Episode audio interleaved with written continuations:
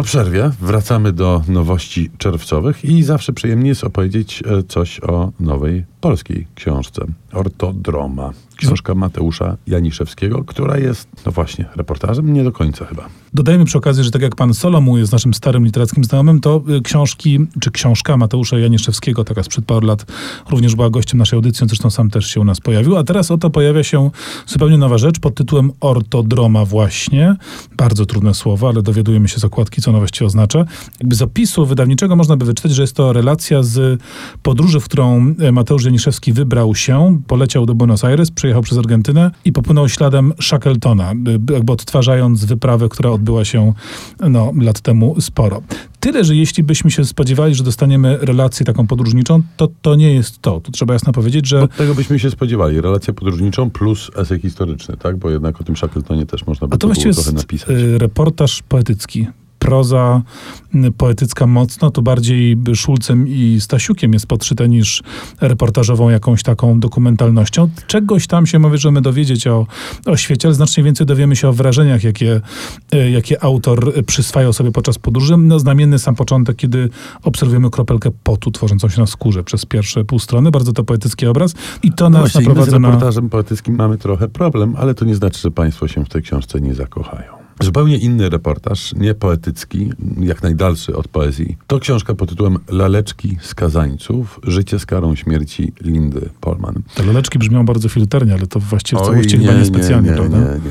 To jest króciutka książka, która zaczyna się opowieścią o Europejkach, które jadą do Teksasu, konkretnie do miejscowości Huntsville, żeby wyjść za mąż za panów, którzy są za kratkami, za poważnymi kratkami, bo siedzą oni w celach śmierci. To jest taki no, XXI-wieczny ideał mężczyzny, chciałby się powiedzieć. Wiadomo, że nigdy stamtąd nie wyjdzie, jest bezpiecznie za grubaśną szybą i oddany Nie wiem, jak to skomentować, to co mówisz. i oddany jest bezgranicznie wybrance, bo wszyscy inni już się poddali i zrezygnowali z jego towarzystwa. Natomiast Polman wpuszcza nas w malinę i robi to niezwykle efektownie, bo to jest jedna dziesiąta tego, co w tej książce można znaleźć. Ona później snuje opowieści najróżniejsze. To znaczy, snuje opowieści o samych skazańcach, snuje opowieści o Teksasie, snuje opowieści o mieście Houston, który jest jakimś po prostu koszmarem koszmarów. Mm, 90% skazańców e, pochodzi właśnie stamtąd. Ale snuje też opowieści o tym, Dlatego się mówi, że Houston mamy problem, tak? tak. Snuje też opowieści o tym, jak przebiega kara śmierci. I snuje opowieści o amerykańskim systemie penitencjarnym i o Ameryce w ogóle. I o różnicach kolosalnych pomiędzy Europejczykami a Amerykanami. No to skoro tak poważnie było i poetycko i w ogóle dramatycznie, to może trochę się odprężmy i weźmy do ręki taki pięknie wydany, duży tom, zawierający w sobie cztery albumy z przygodami niejakiego Cliftona.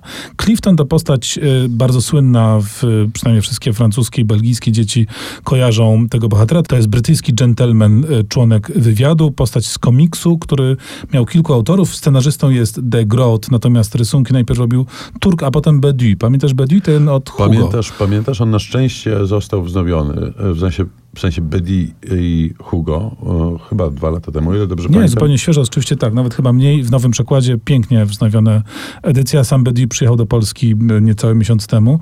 Y, Clifton to jest seria dla dzieci, której bohaterem jest właśnie taki brytyjski szpieg, ale jest to wszystko zrobione z takim no, przymrużeniem oka. Tam się sporo historii pojawia, bo i wątki z młodości i dzieciństwa bohatera w jednym albumie się przewijają.